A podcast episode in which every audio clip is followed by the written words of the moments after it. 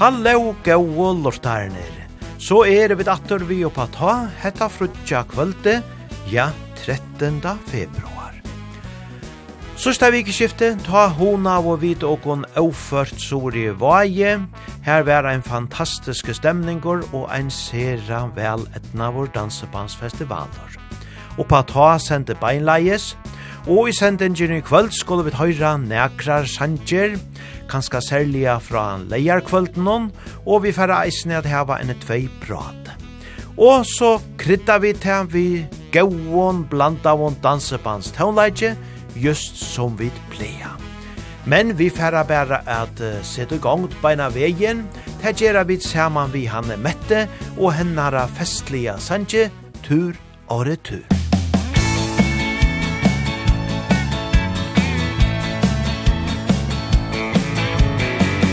hadde du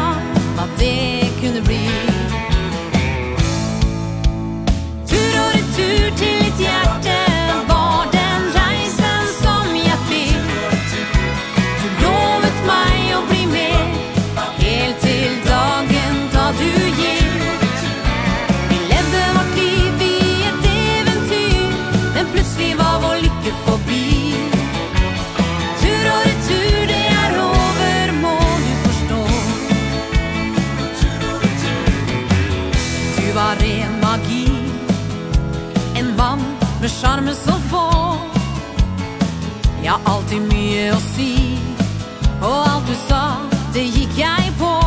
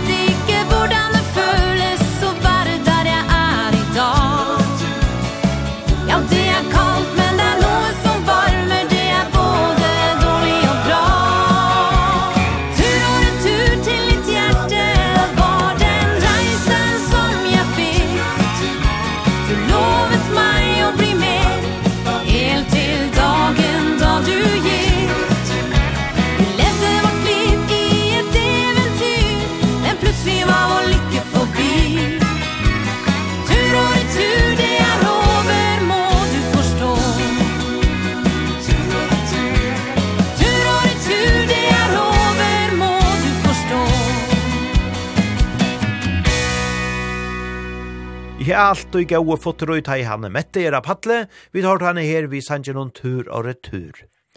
Og så færa vi da vente og til Dansebandsfestivalen i Vaje som jo var fyrir vik og søgjane. Eit utrolig gott vikeskifte, her var gauor stemningar, gauor metor, fantastiska fynor tåleikor, og det var bæra såleis at alt gikk opp og gjerne hagri eind. Ja, og sånn eit godt og vel fireskipa tiltak. Og i kvöld færa vi eisne a spela onkra sanger tja sommersamband og tja kontiki, og vi færa høyra tver samrøver eisene. Og tan sendingen som var frutja kvöldi, hon var jo beinleis av egen og nøyvaje, hon var endesend nu mana kvöldi, og ljågoskan av omkron tui som var sent var kanskje ikkje heilt og i topp, det var av oss trobeleikar vi samband noen og så. Men vi færre at røyna bøt om te, vi tui som vi færre at letja at og nete av oss her. Det var så at nega settene færre vi at letja sendingina som var sista frutja kvöld, og heima søyna tja kringvarpen om, og ta få vi kanskje bøtta sindur om goskana. Men i kvöld færa vi så høyra meira fra leier kvöldnån av festivalen. Vi skulle høyra Sanger tja sommersamband, og let og bæra letja fire vi taimon, her vi tarra fyno omsetting av Sven Ingvars lagaren om min gitar, tar kattel han min gitar. Musik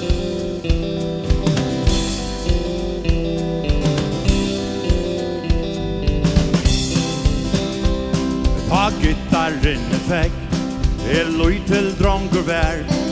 Jeg vær til alla bästa ja Som kunde djevas mer Jeg må en gitarr Jeg må en gitarr Men det som færen er Er spel i oppa til Og vøkker løy i høyre Er det som en lærer med. Jeg må en gitarr Jeg må en gitarr Jeg må en gitarr mer till svar. I har vi haft nu och i Nek, nek var.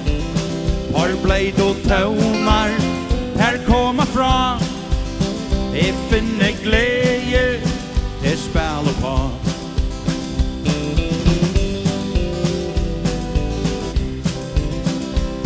Moin gitarr er alt Moin loiv og lufsens alt Jeg blivi ikkje rujkur, men mot heim ta er a kaff. Jeg må en gitarr, jeg må en gitarr Knäck sliten nu, to er, men tånar tå i topp. I frisan lägger fingrarna om hals og om din kropp. Ja må en gitarr, jag må en gitarr Jag må en gitarr, mer letje svar. Jeg har vi haft nu ui Meg, meg var. Har bleid og tøvnar Her koma fra. Jeg finner glede Til spil og pan.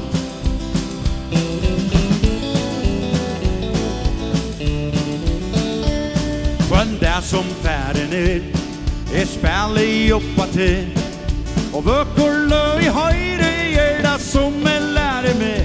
Han må en gitarr Jag må en gitarr. Jag må en gitarr.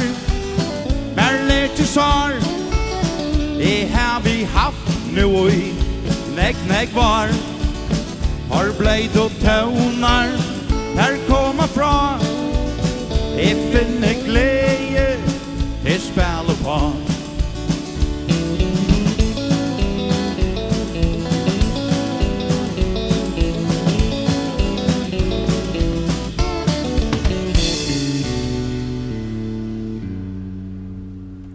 Ja, sannelig er gode stemning roi, fra løgje tøvnar her fra sommersamband. Og teir høttu ikkje bæra gjørst hentan festliga sangen mun gitar, nei nei, teir høttu eisene omsett country sangen A Good Hearted Woman, som teir råpa Gau Hjarta Kvinna. Og let kom bæra her høyra hesar festlige live tøvnanar fra sommersamband. Musikk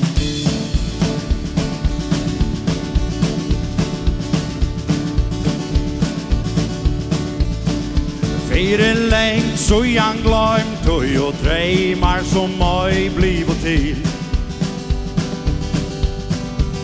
Og i han lova jeg godt løyver øy til om liv og rydde Hon løyver jeg gremmer se og alt til han hever gjørst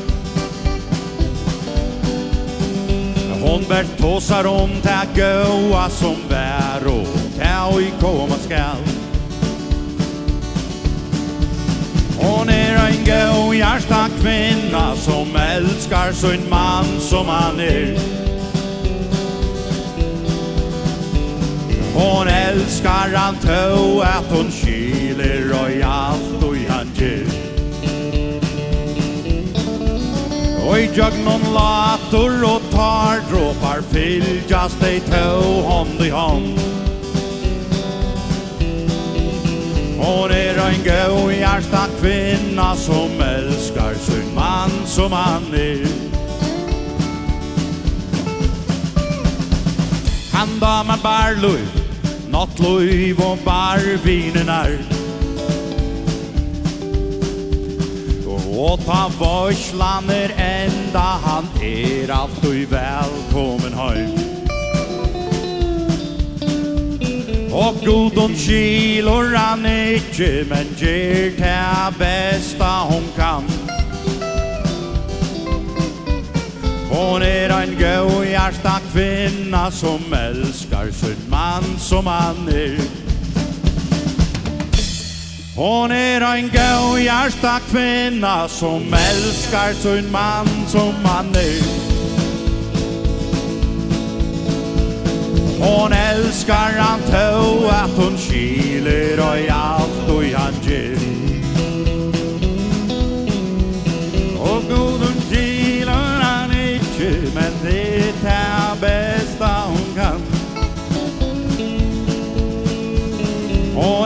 gau hjärsta kvinna som älskar sin man som han er.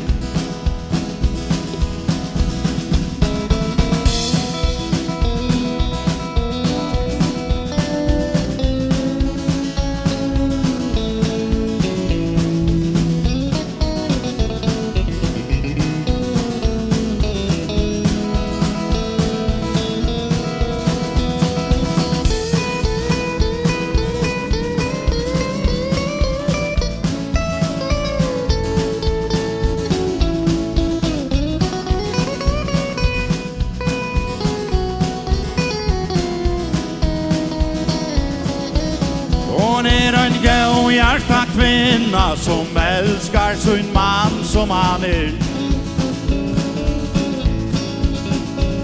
Hon älskar han tå att hon kyler och i allt och i han ger Og i jögnon latur og tar dråpar fyljas dig tå hånd i hand hon er en gåhjärsta kvinna som älskar sin man som han er. Hon er en gåhjärsta kvinna som älskar sin man som han er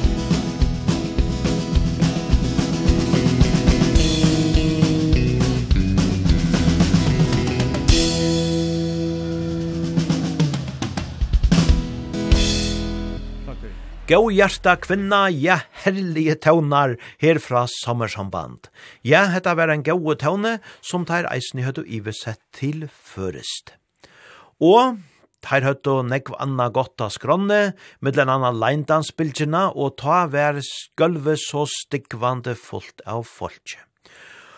Og så høttu der eisen i et iverraskelse, teir spalt og frutja kvöld, som jo er en kjente sankor tja norrna danseband, og Og i tog sambandi høyde der bjaua Odd Arna Sørensen og Stevi Andersson ur Ingemars av Patlen er at spela saman vittamon.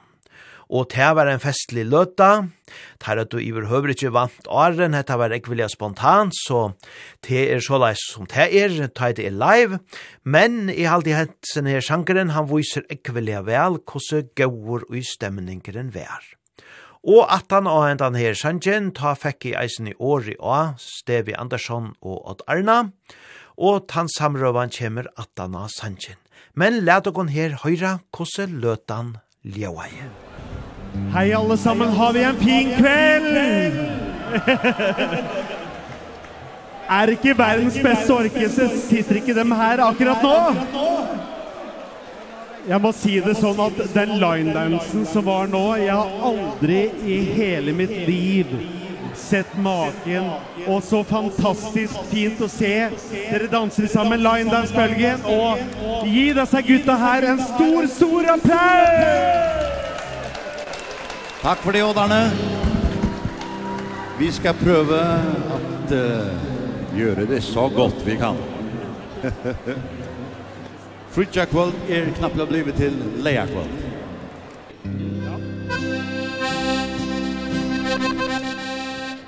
Here we go. One, two, one, two.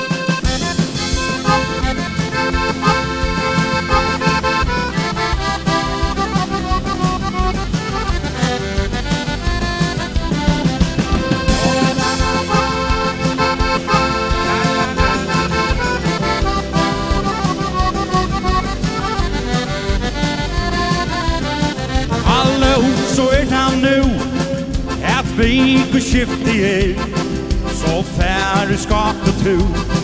Og i danse skal jeg være fyr Vi færre og bare ta Så skunda tær nu her Og i leier kvölde mat Jo halvast du vi man er.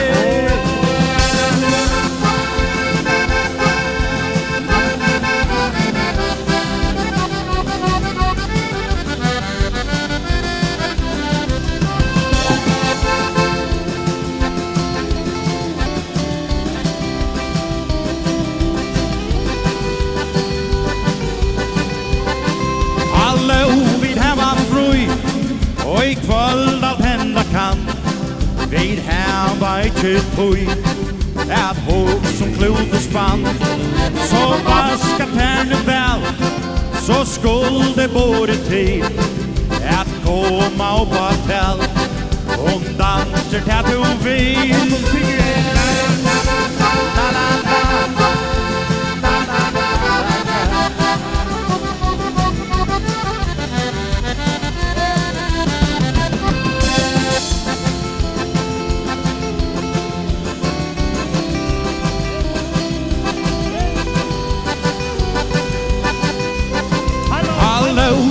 regnar nu Att vi beskiftige Så färdig skapet du Och i dansen ska kvar färd Vi färda upp att ta Så skunda här nu blir Och i lejar kvölden mat Jo, halda vi man ner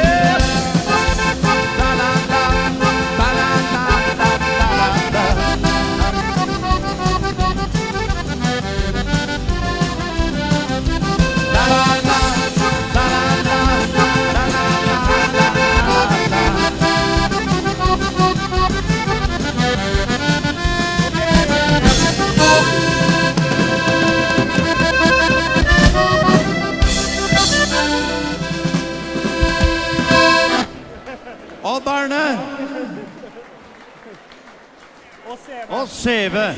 Ja! Tusen takk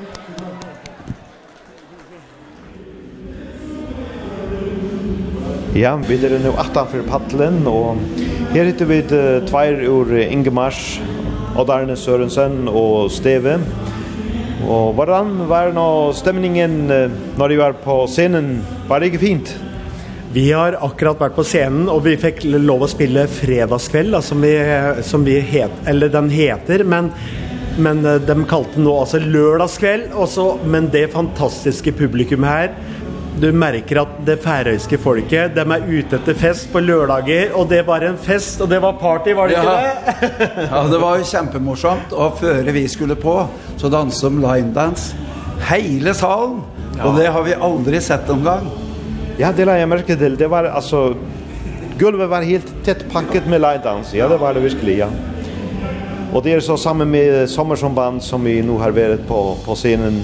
Hvordan så i, i går aftes när vi själva var på scenen var det det var fin stämning i hvert fall. Det det kan jag skriva under på. Ja, du vet. Det var en fantastisk stämning. Det var helt magisk. Och det är 19 år sedan vi var på feriene sist. Och det var väldigt flott att komma tillbaka. Mm. Det är en uh, helt speciell upplevelse faktiskt. Så vi är väldigt förnöjd. Nej, stämningen är fantastisk och tusen hjärtligt tack till både Dennis Holm och inte minst Hans Jakob för all den hjälp och støtte och alla människorna som har bidratt da, med dugnadshjälp för jag vet hur mycket jobb de har haft men Men du ser den festivalen her, den vokser for hvert eneste år, et eller annet, og jeg håper vi kommer tilbake en eller annen gang igjen. Det gjør jeg. Ja, vi har veldig lyst til det. Mm. Ja, det har vi alle sammen, ja, ja, ja, ja. Ja, men vi har absolut bruk för sån festival på Färöarna. Mm. I Norge har vi ju har ju spår och säljer och sel så det är liksom vårens dansbandsfestival. Ja da, men, men samtidig den jobben som har blitt gjort her da, gjennom mange, mange år, og ikke minst din forgjenger Elis Paulsen, og den jobben du har tatt, eller gjort etterpå, du, du, du skal vite at du og Finnur, du gjør en fantastisk fin jobb, og jeg vet at mange liker den musikken og den jobben som du gjør, og det tror jeg alle som hører på akkurat nå er helt enig i. Takk for det, takk for det, ja. Och og det som är speciellt med med Färöarna det är det eksotiske för oss norrmän då så är det, det eksotiske, det er naturen, det er människorna, den hjertevarmen av människorna mm. och den måten som vi blir mött på här på Färöarna. Det är helt fantastiskt. Tusen tack. Tusen tack er Selja också. Men så må vi ha en virkelig god reise hjem igjen til Norge. Norge. Ja, takk. Vi Tusen takk. Vi ses igjen. Vi ses igjen. Det gjør vi. Ha det godt. Hei, hei. Ja, eit hon har litt prat vi tar boar um, Odd Arna Sørensen og Stevi Andersson ur Ingemars. Og hitt orkestret som var av patle leierkvöldet, det var jo Kontiki, det er tar boar Rune Engen og Roger Nysven som manna hentan boltjen. Teir er og ikkje kvar som helst, teir er baier kjenter ur Furlunds, som til han verre gauost som danseband og i 2011 og 12. Men, ta tåg og teir seg saman, og hilt og afram vi er så nøystavna i aboltjenon kon tiki. Og jeg må sige som er at det var fralukkor stemningar ta i kon tiki av apatle. Og jeg hittet der så eisen i ujenne pause og gjør det prat vidt der. Men la dere først her høyre en av tarra fra løyk og sankon. Her høyre vi kontiki vi du fikk inn pass i mitt hjerte. Og så spiller vi samrøvene Atana Sanchen.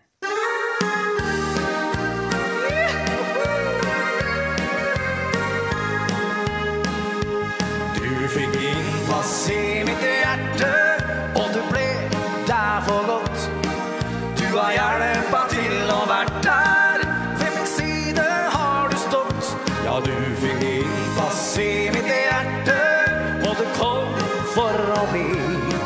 Du er den aller beste jenta.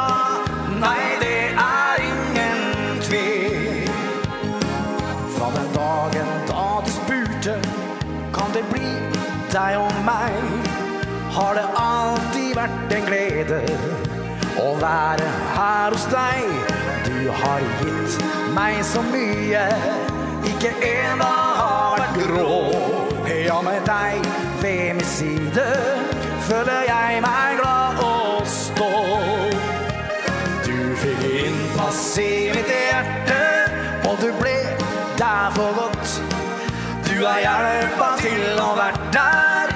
Ved min side har du stått. Ja, du fikk innpass i mitt hjerte Og du kom for å bli. Du er den aller beste jenta. Nei, det er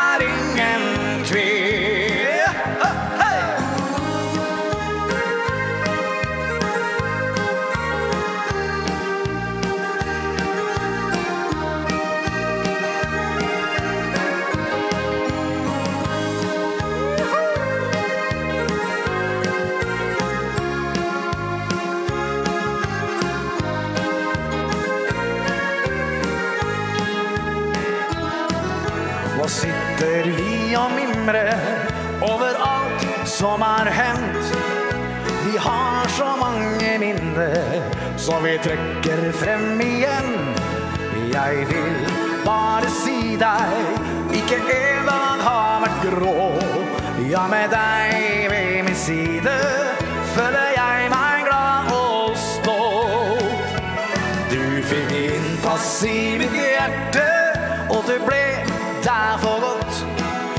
Du har hjelpa til å vært der Ved min side har du stått. Ja, du fikk innpass i mitt hjerte Og du kom for å bli. Du er den aller beste jenta Nei, det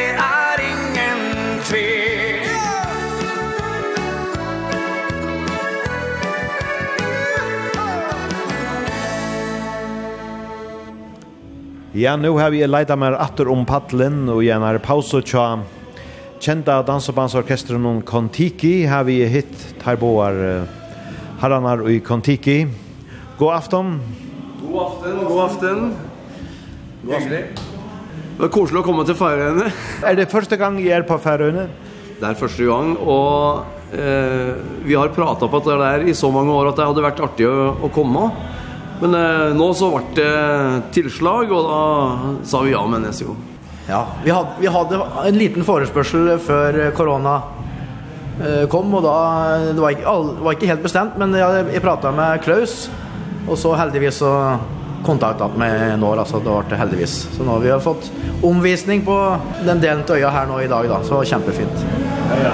Så jeg har haft en fin dag idag med rundvisning på öja. Ja, har varit helt fantastisk och nydelig vär. Ja, vädret det har varit helt fantastiskt. Det är säkert ja.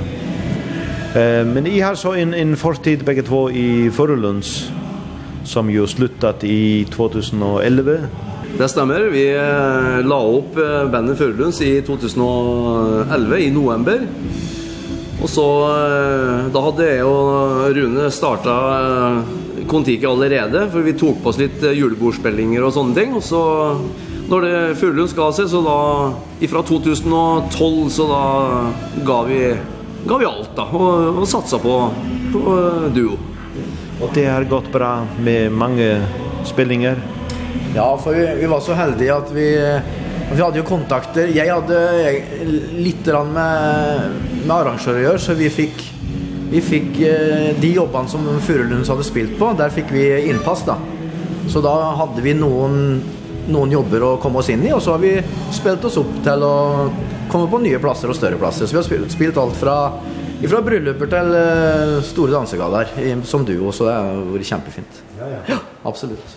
Og så nå på Dansebandsfestivalen på Færøyene. Hvordan, hva tykker du om det? Det er kjempefin stemning og, og skikkelig ordentlig gjort. Så de har gjort en kjempefin jobb her. Absolutt.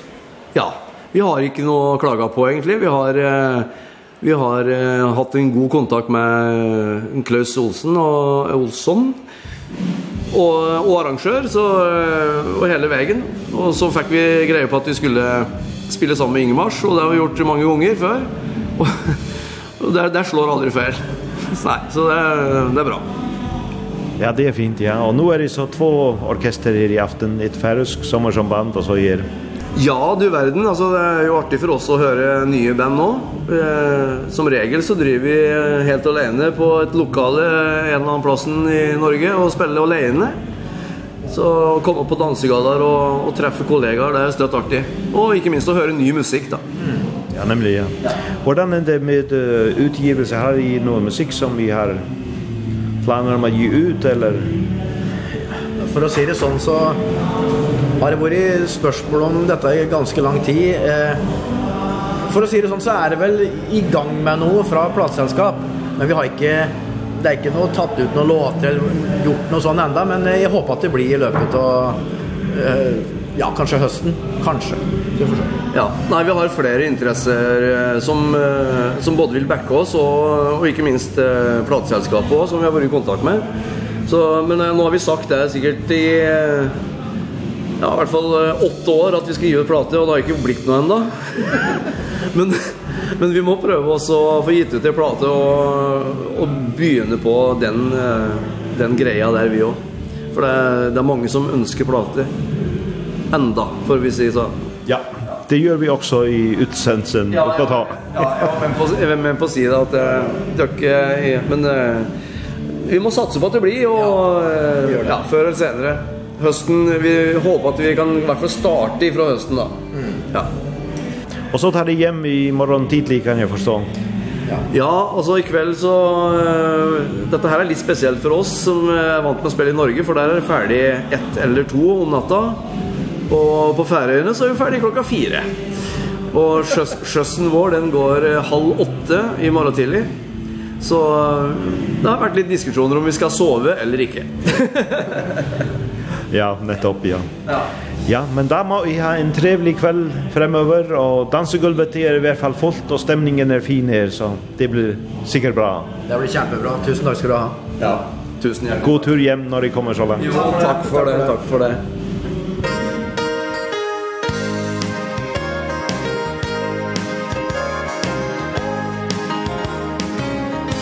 Om du bare hadde vært her nå Jag är nå i dag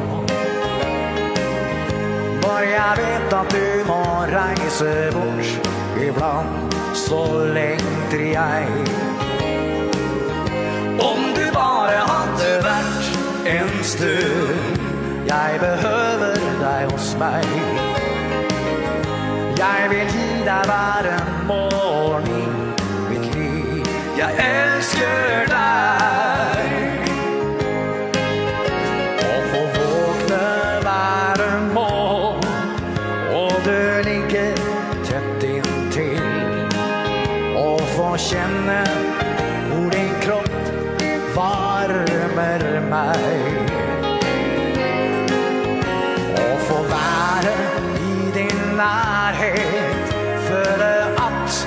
mitt hjerte slå Det er lykke å dele morgenen med deg. Om du bare hadde vært her nå Jeg er ensom nå i dag For jeg vet at du må reise bort ibland Så lengter jeg. Om eneste Jeg behøver deg hos meg. Jeg vil gi deg hver en morgen i Mitt liv. Jeg elsker deg.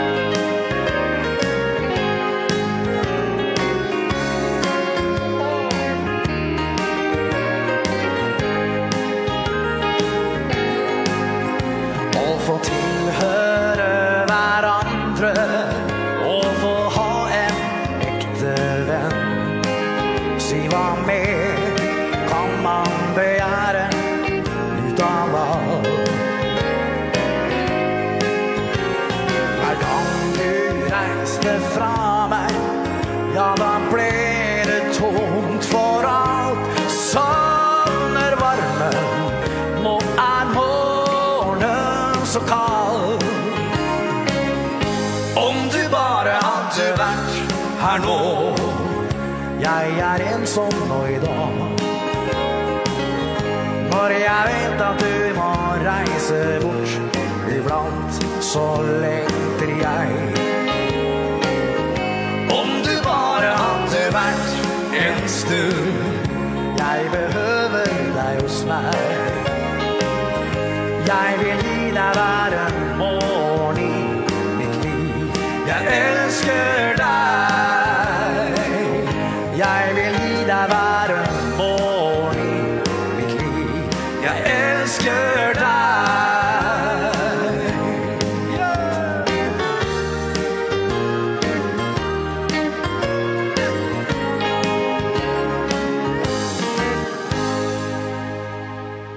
Tanna prata vi kontiki, hørte vi teire spela sanjen, om du bare hadde vært her nå.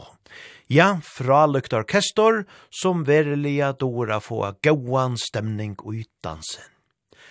Vi færa vujare nu vi Øron Taunon, vi skulle høyra Bob Stevens, Østerlens visan.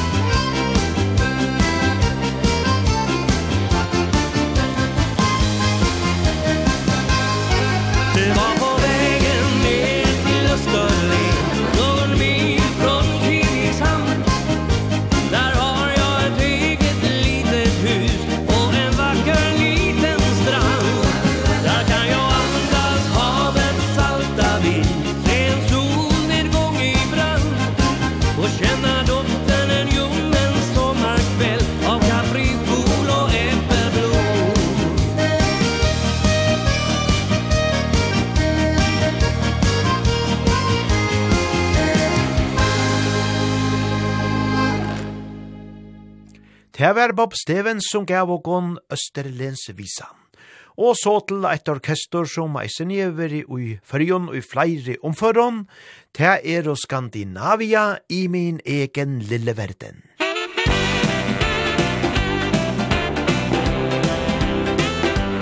I min egen lille verden er du min Ja, natt og dag har du din plass i kropp og sinn Drømmer om å holde rundt deg På en øde strand. Du elsker meg Og jeg er verdens lykkeligste mann. I min egen lille verden Vil jeg bli. Altid elske deg Og altid stå deg vid.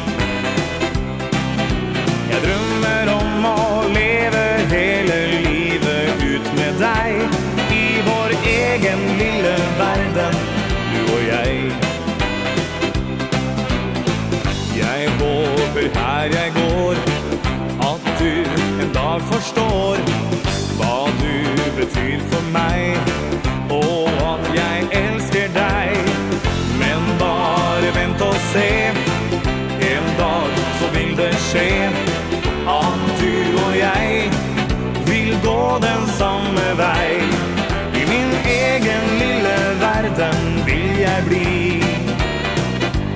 Altid elske deg alltid stå deg bi Jeg drømmer om å leve hele livet ut med deg. I vår egen lille verden, du og jeg.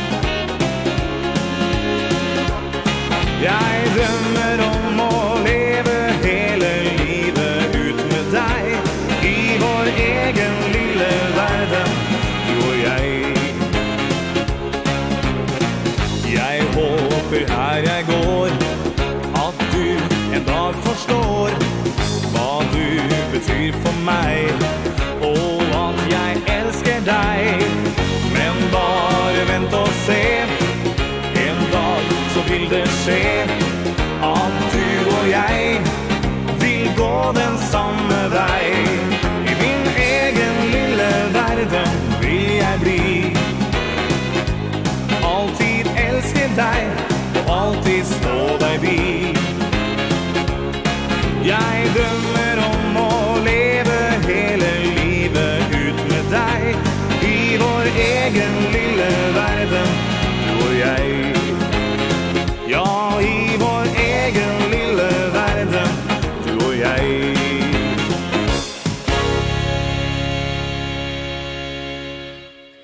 min egen lille verden, ja Skandinavia ui Essenon. Og nu halti vi trøndja til ein gauan vals, og hauast sommare stendur i doron, så færa vi da spela ein som eitur høstvalsen, til jeg gjer kanskje ikke. Ronald Holmberg gjever okon hentan fra lykka valsen.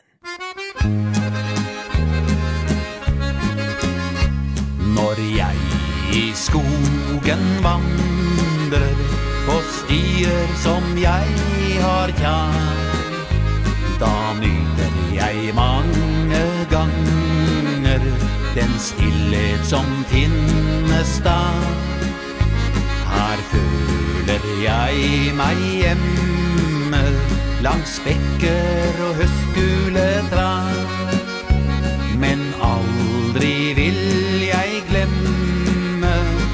Hun som gikk tur med meg her.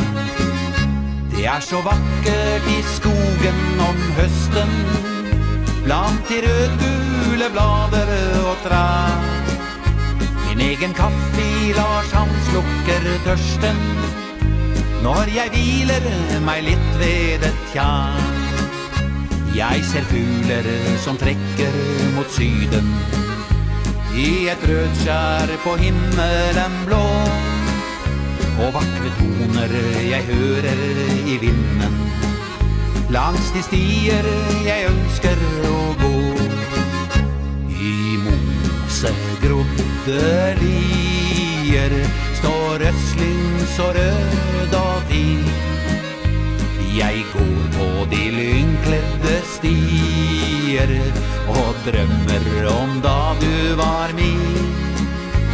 Før kvelden er jeg hjemme I friheten vandrer jeg her. Men aldri vil jeg glemme Hun som hadde meg kjær. Det er så vakkert i skogen om hösten Bland de rødgule blader och trær Min egen kaffe, Lars, han slukker tørsten.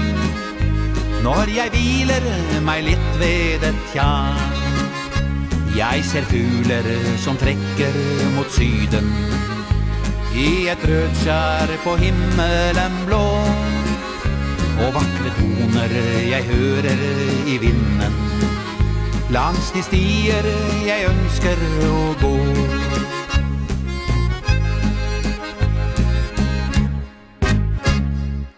Ja, herlige valsande tøvnar, hetta var så høstvalsen, og ta var Ronald Holmberg som sank og spalte. Og så færa vid vujare vi gauon og danselion taunon som handlar om just det som videodama dama best, vil bara dansa, her er og blackjack.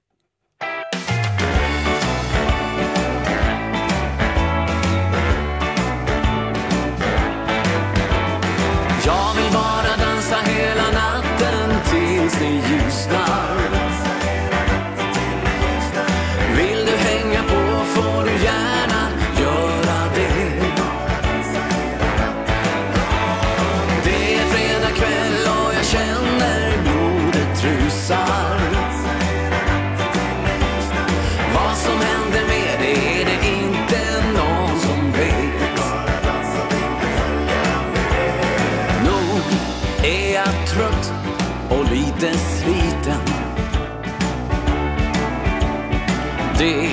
vet jag ändras ganska snart. När jag får dansa till musiken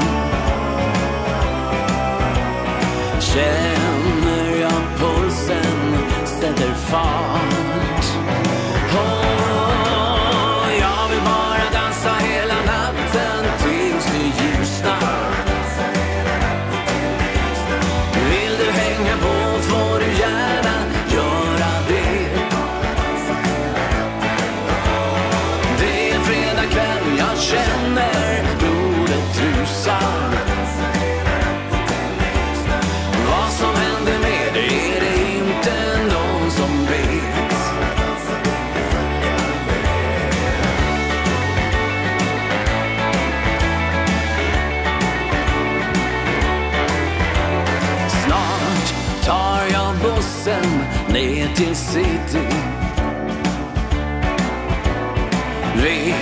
inte riktigt vart jag ska. Men ska nog hitta något som passar. Jag får väl kolla runt ett tag.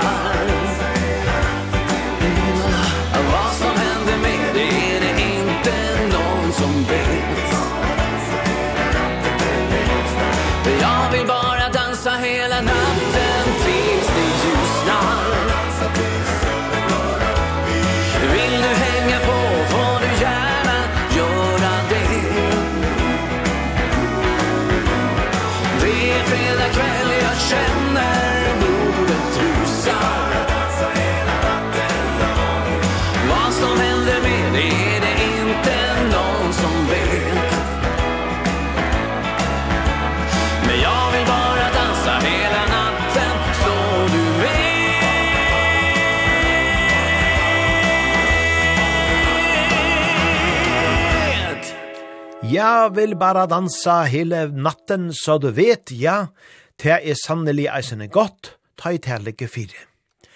Vi tar då her fra løyga tøvnar fra Black Jack. Og så skulle vi atter høyre Hanne Mette, og til å være vi gjennom kjentons hanskje til henne som heter Blå Gitarr. Blå Gitarr.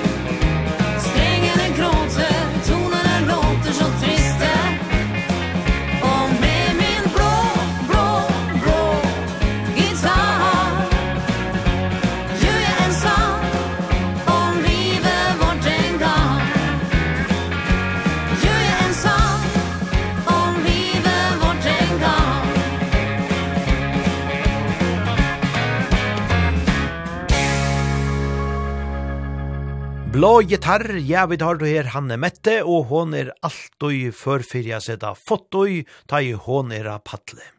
Hon vær jo fyrverande sankar inda og i kontrast, til hon gavst her, og grå Anita Johansen, som hon i det eitor, tåg vi.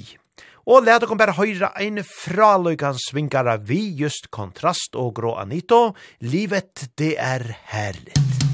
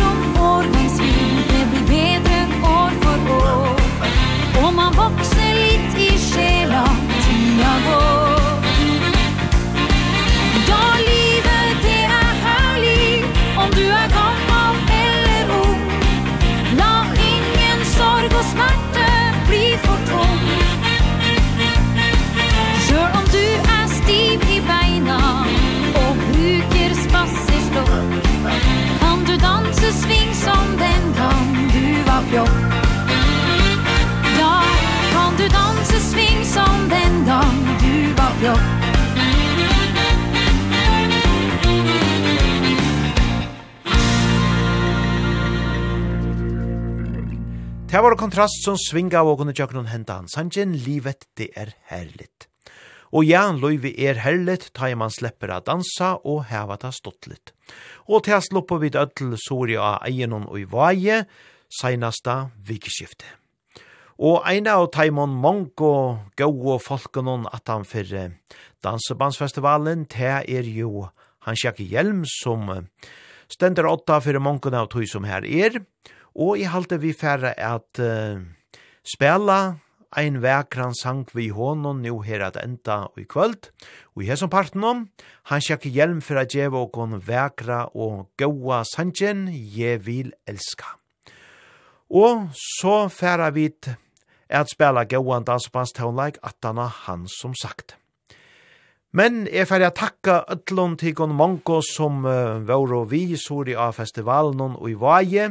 Takk til ødl som dansavo og eisene til som dansavo kring landet.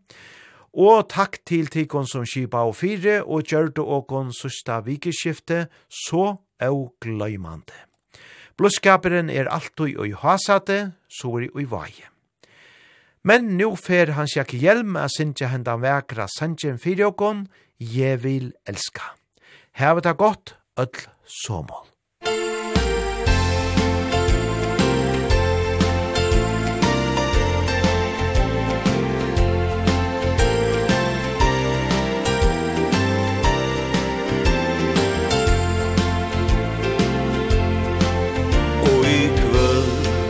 vil jeg hava tje tjane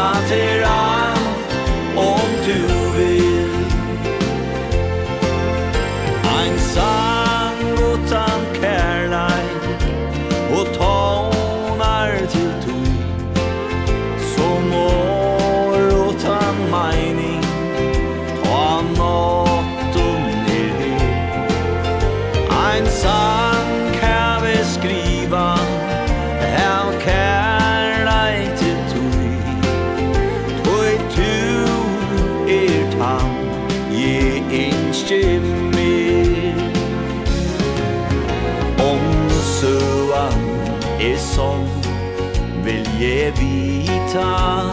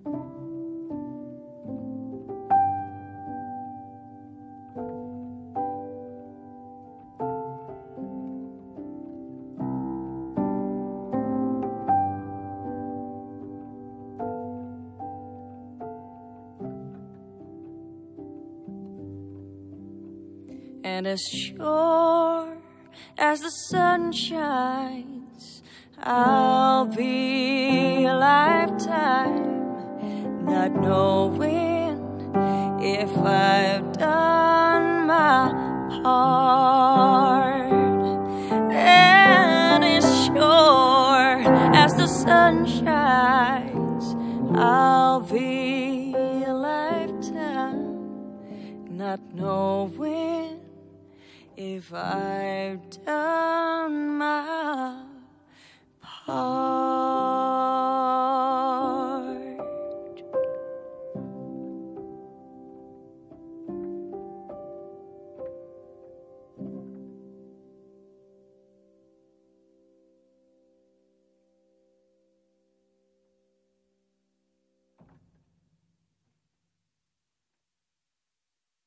Thank you.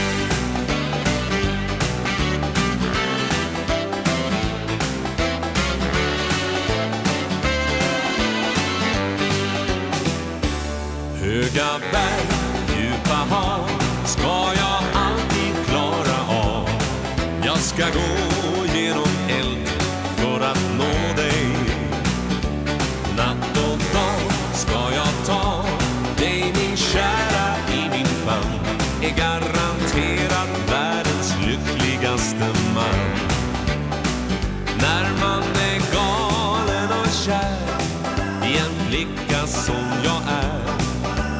suddat ut bekymmer, problem och besvär. Och alla ord blir en sång till den vän jag tycker om. Jag älskar dig, därför sjunger jag gång på gång. Höga berg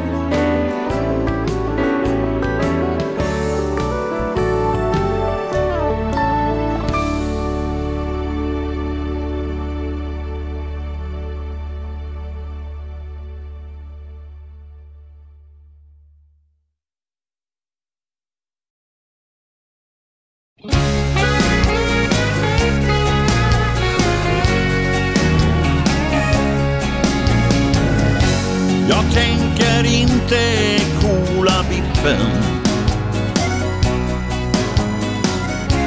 Jag tänker inte lämna in. Jag tänker inte ta ner skylten. Jag tänker leva lite till. Jag tänker inte sakta farten. Ingenting är kört För det är kört. Så jag stampar hellre mer på gasen. Jag tänker leva tills jag dör.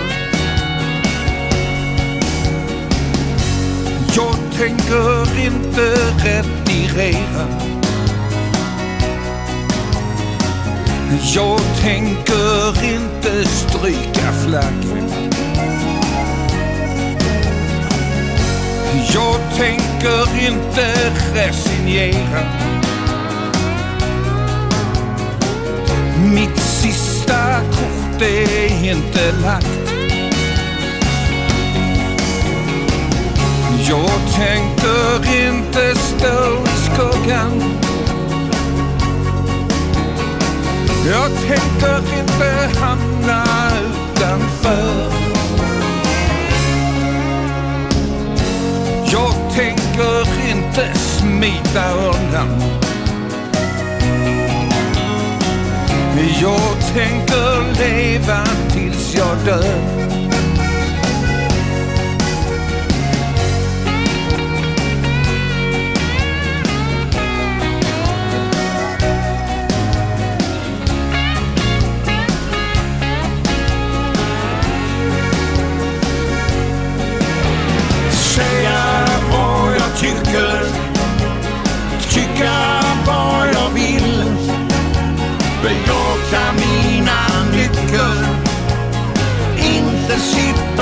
vill Försvara det jag tror på.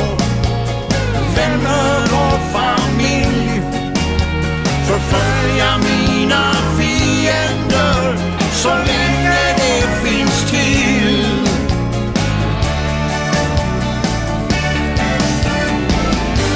Mitt liv är fyllt av fröjd och gammal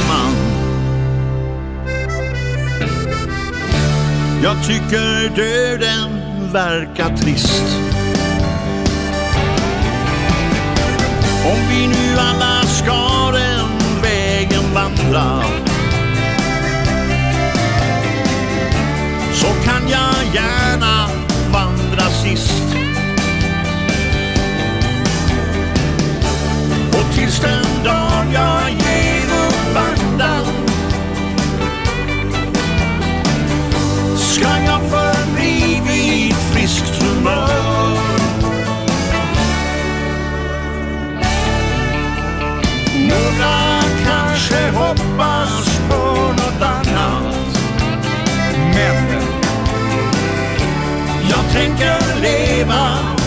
it's your girl Jag tänker leva tills jag dör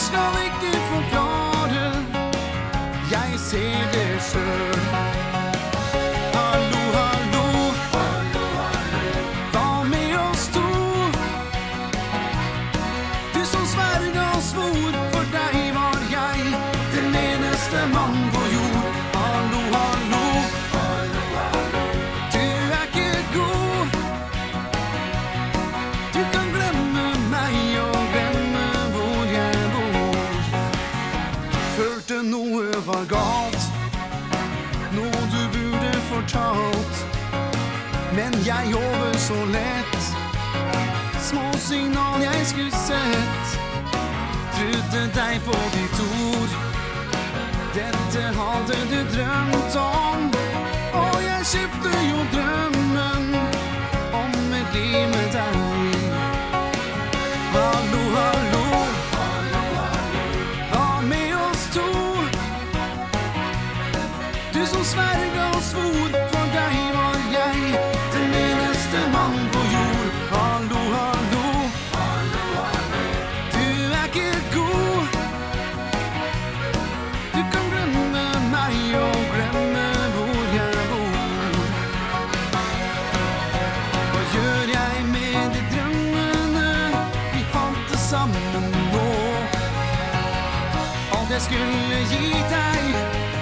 skal noen andre få.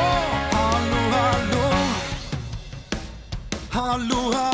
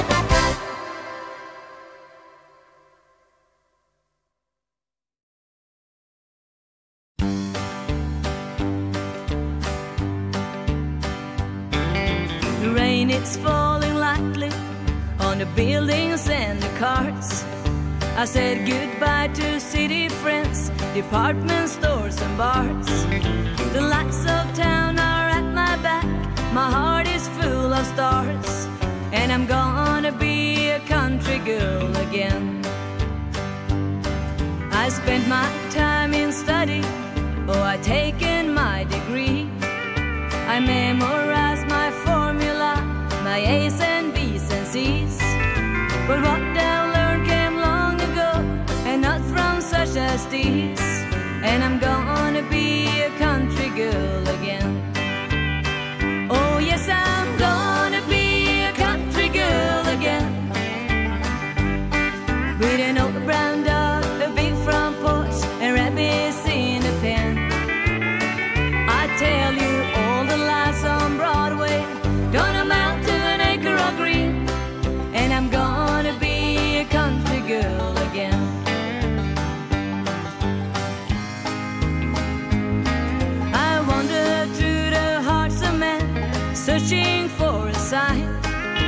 here I might find happiness. I might find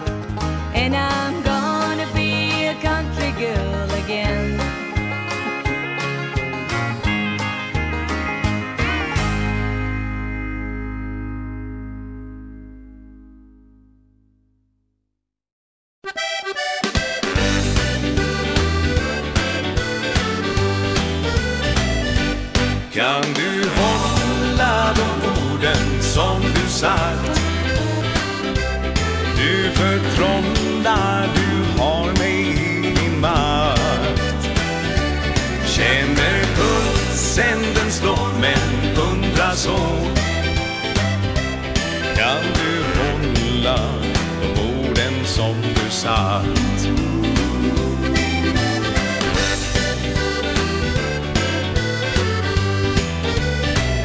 Nu undrar jag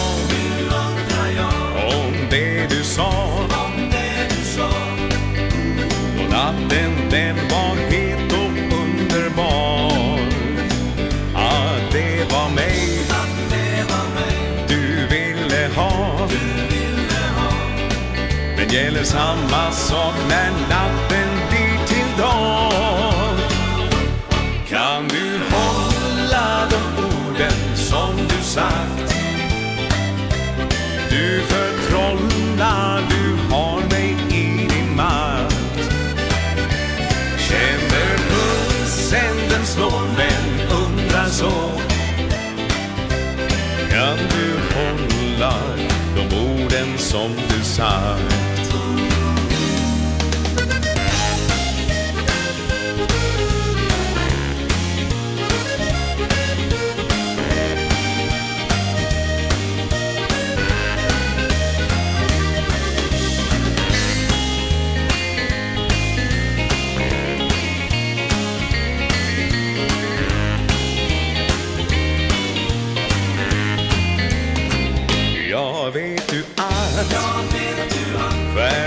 föddes i natt. Som du föddes i natt. Är fast i din magi och allt som sagt Och du har vänt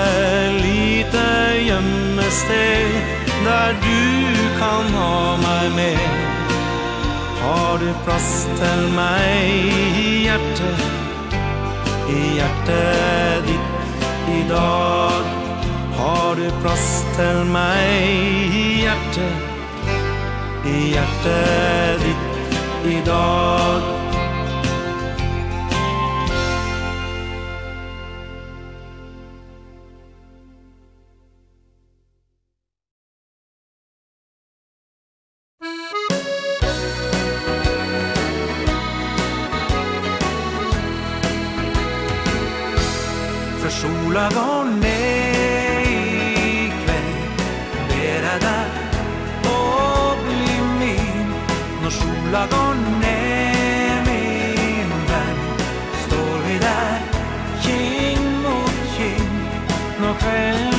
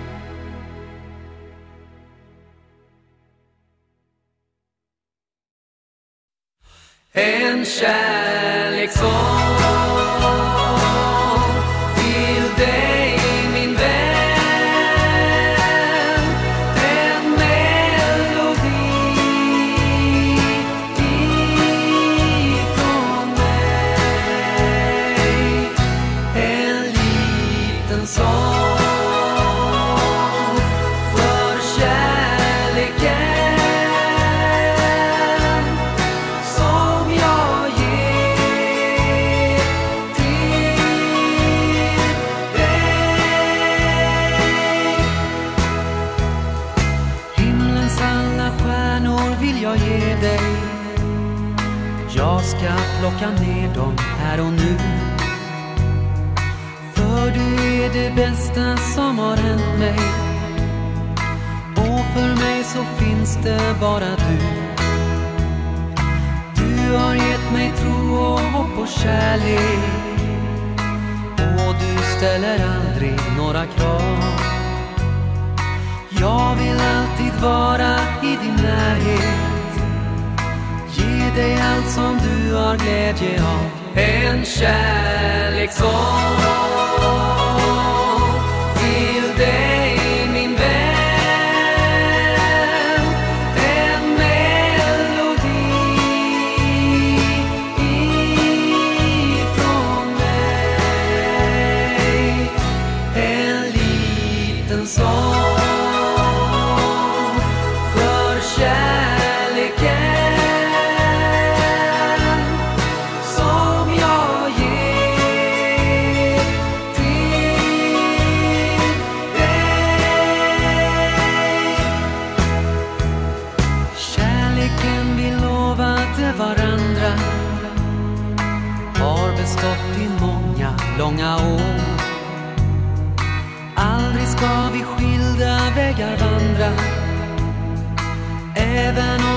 stormar då och då.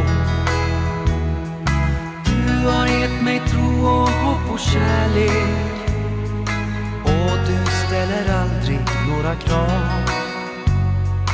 Jag vill alltid vara i din närhet. Ge dig allt som du har glädje av. En kärlek som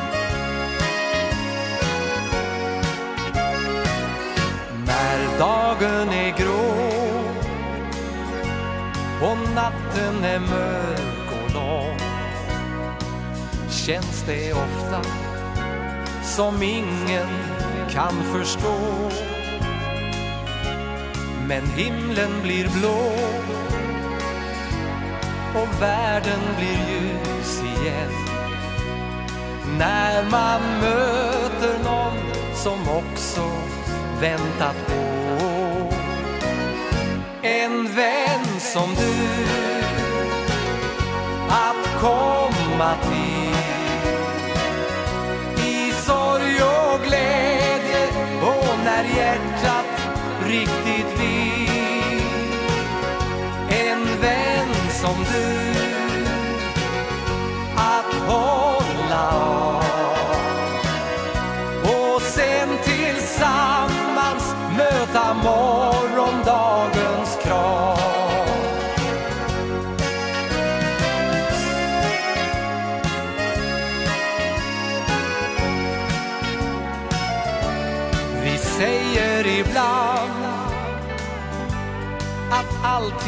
vara bra. Ändå vet vi Det fattas någonting. Fast ensam är stark Behöver vi alla ha. Någon att vandra med På vårens gröna mark. En vän som du komma till. I sorg och glädje och när hjärtat riktigt vill. En vän som du att hålla av.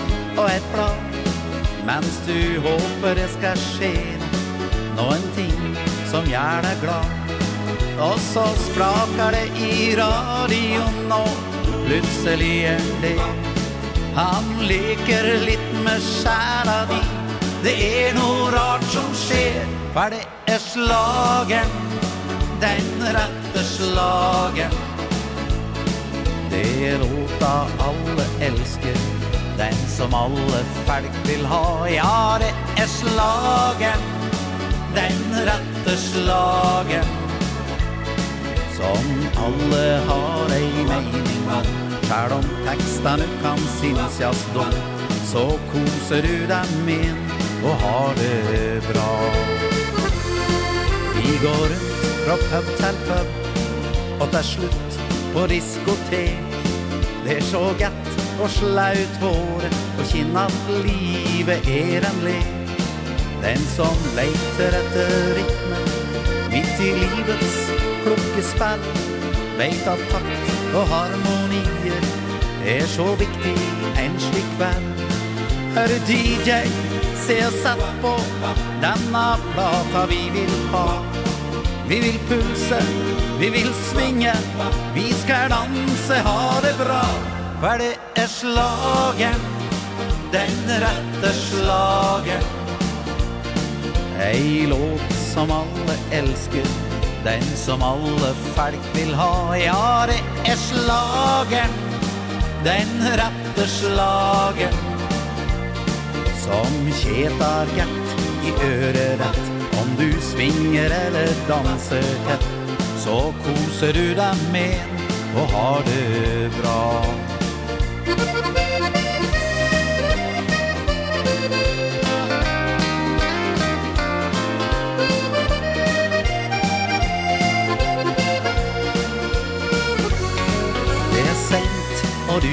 vakta Man kan ikke samne inn Og den vennen som du elsker. Han er såre i sitt sinn. Du vil seia om forlates Man kan ikke få det til Det er tid for ei forsoning Hvertfall nå da det er kveld. Vil du ligge litt på armen? Jeg vil kose være god. Här i øra spilles musik Och det är gatt att være to. För det är slagen. Den rette slagen. Ei låt som alle elsker. Den som alle folk vil ha. Ja, det er slagen. Den rette slagen. Som värmer hele hjertet rett. Om du krangler eller elsker hett Så koser du deg min og har det bra.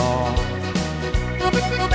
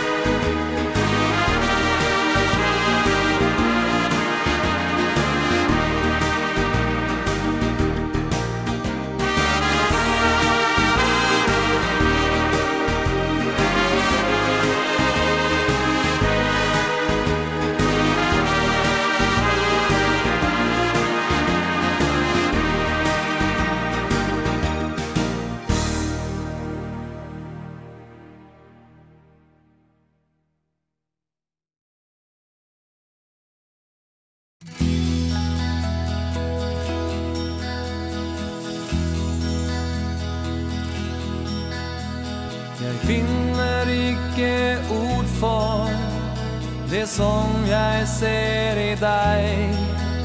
Men det finnes i mitt hjerte. Det finnes här för dig Och jag håper og jag tror Selv om tiden går sin vei Jag vill aldrig gå ifrån dig Jag vill aldrig miste deg. Där mitt emot mig. Du har en föl som sker Och du vinner mina tankar. Du känner mig så väl.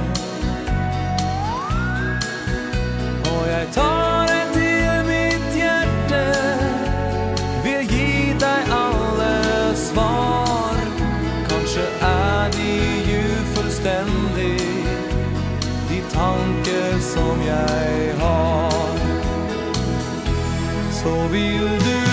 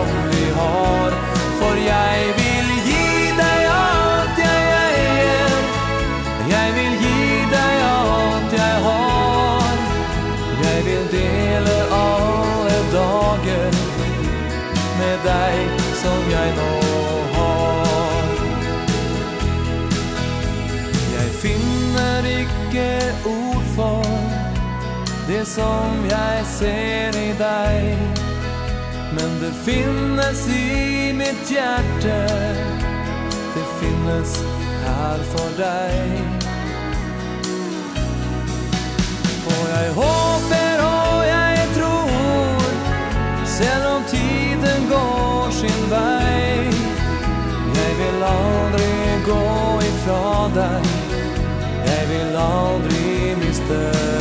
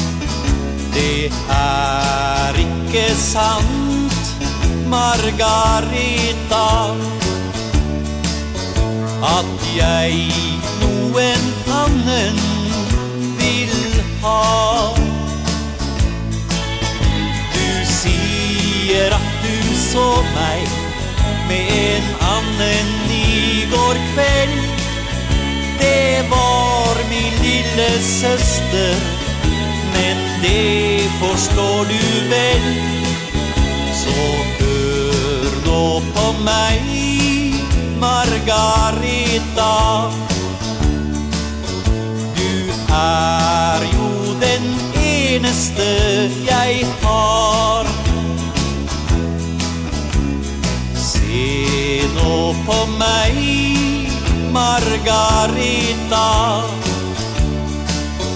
Mitt hjärte det banker kun for deg Og gi meg et kyss Margareta Da vet jeg at du ennå elsker meg Du har jo en gang sagt At du vil gifte deg med meg. Når vi har sluttet skolen Og allting blir ok Så hør nå på meg Margareta. Du vet jo at jeg elsker deg. y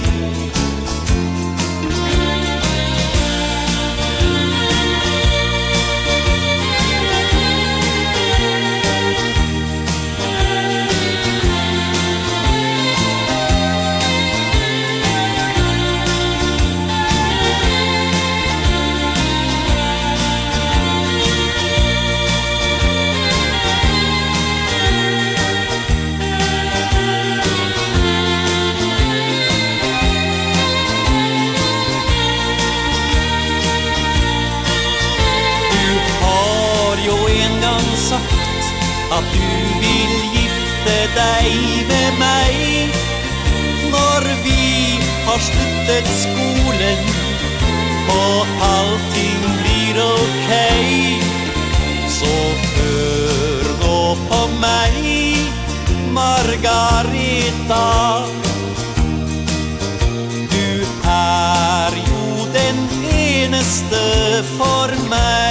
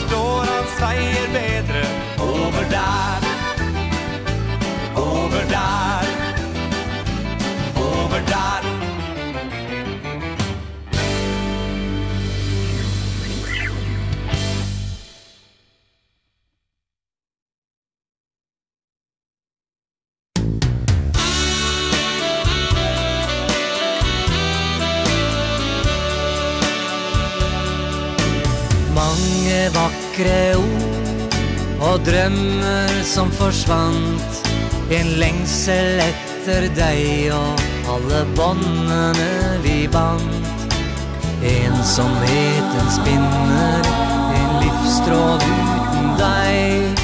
Jeg sitter her alene For du gikk din egen vei. Gi meg en blomst mens jeg lever et solstreif i mitt sinn. Gi meg en blomst mens jeg lever Så vakker og så fin. En blomst som gir meg minner Om de dagene vi fikk. Gi meg en blomst mens jeg lever For jeg er evig din. Skomringstimens lys Jeg føler deg så nær. Jeg hører at du sier Så vakker som du er. Jeg ønsker ikke mye Bare deg slik som du var. Kom til meg, min venn Og gi meg dine svar. Gi meg en blomst mens jeg lever Et solstreif i mitt sinn. Gi meg en blomst mens jeg lever så vacker och så fin. En blomst som ger mig minner om de dagarna vi fick Gi mig en blomst mens jeg lever, for jeg er evig. din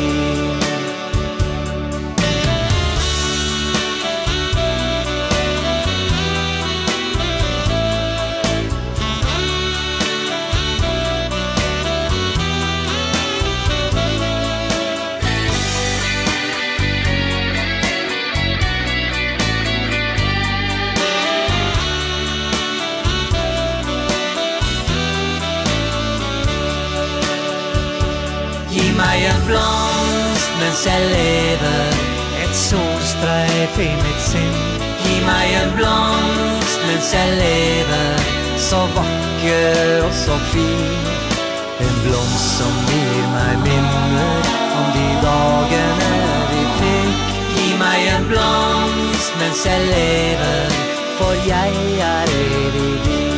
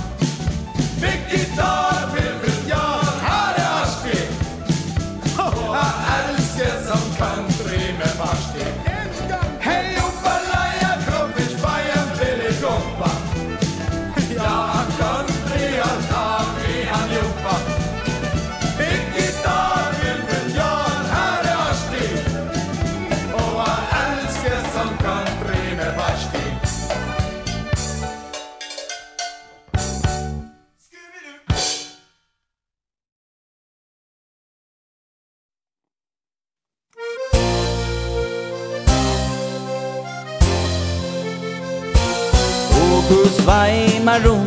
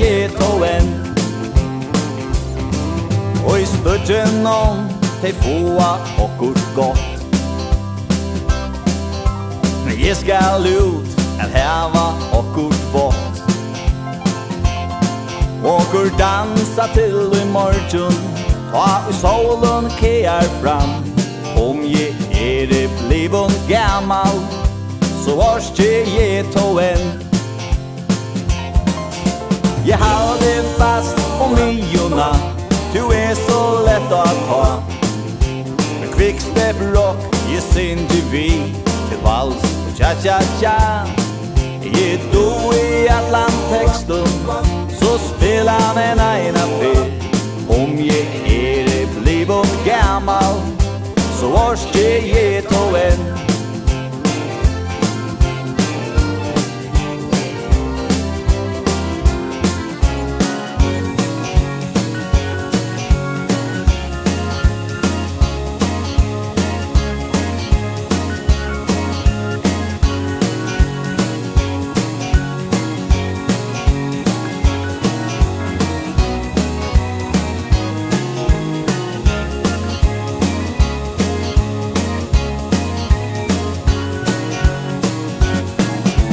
vi handen Du är så lätt att ta För kvickste bråk i sin vi Till vals cha-cha-cha Je du i atlan texterna so spelar den ena fel Om je är det blivit gammal Så vars je je to en Ja, je du i atlan texterna so spelar den ena fel gammal Så orske jeg då enn Om jeg er blivun gammal Så orske jeg då enn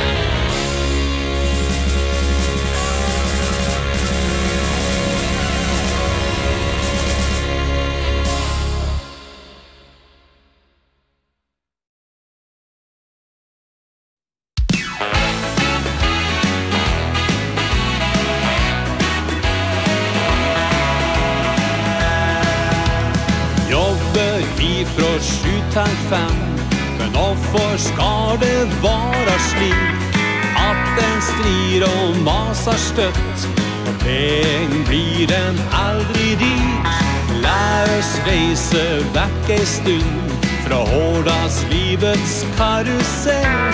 Det til sol og varme Og et femstjerners hotell. I mine drømmer har vi allerede reist og sjekket inn. Vi har tatt to uker fri Og reiser til Arginegin Vi kan late oss i sola Og der himmel møter hav.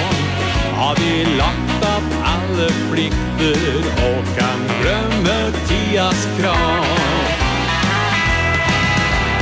Tenk å rusle sammen langs med stranda I en solnedgang. For å møte sydens natt Og finne oss en restaurant kanskje ta en liten drink Og bare nyte at vi to Har det godt i sammen Og har fønn i fred og ro. I mine drømmer har vi allerede reist og sjekket inn. Vi har tatt to uker fri Og reiser til Arginegin Vi kan late oss i sola Og der himmel møter hav. Har vi lagt av alle plikter Og kan glemme tidas krav. I mine drømmer har vi allerede reist og sjekket inn. Vi har tatt to uker fri Og reiser til Argenegin. Vi kan late oss i sola Og der himmel møter hav. Har vi lagt at alle plikter Og kan glemme tidas krav? Ja, vi har lagt at alle plikter Og kan glemme tidas krav.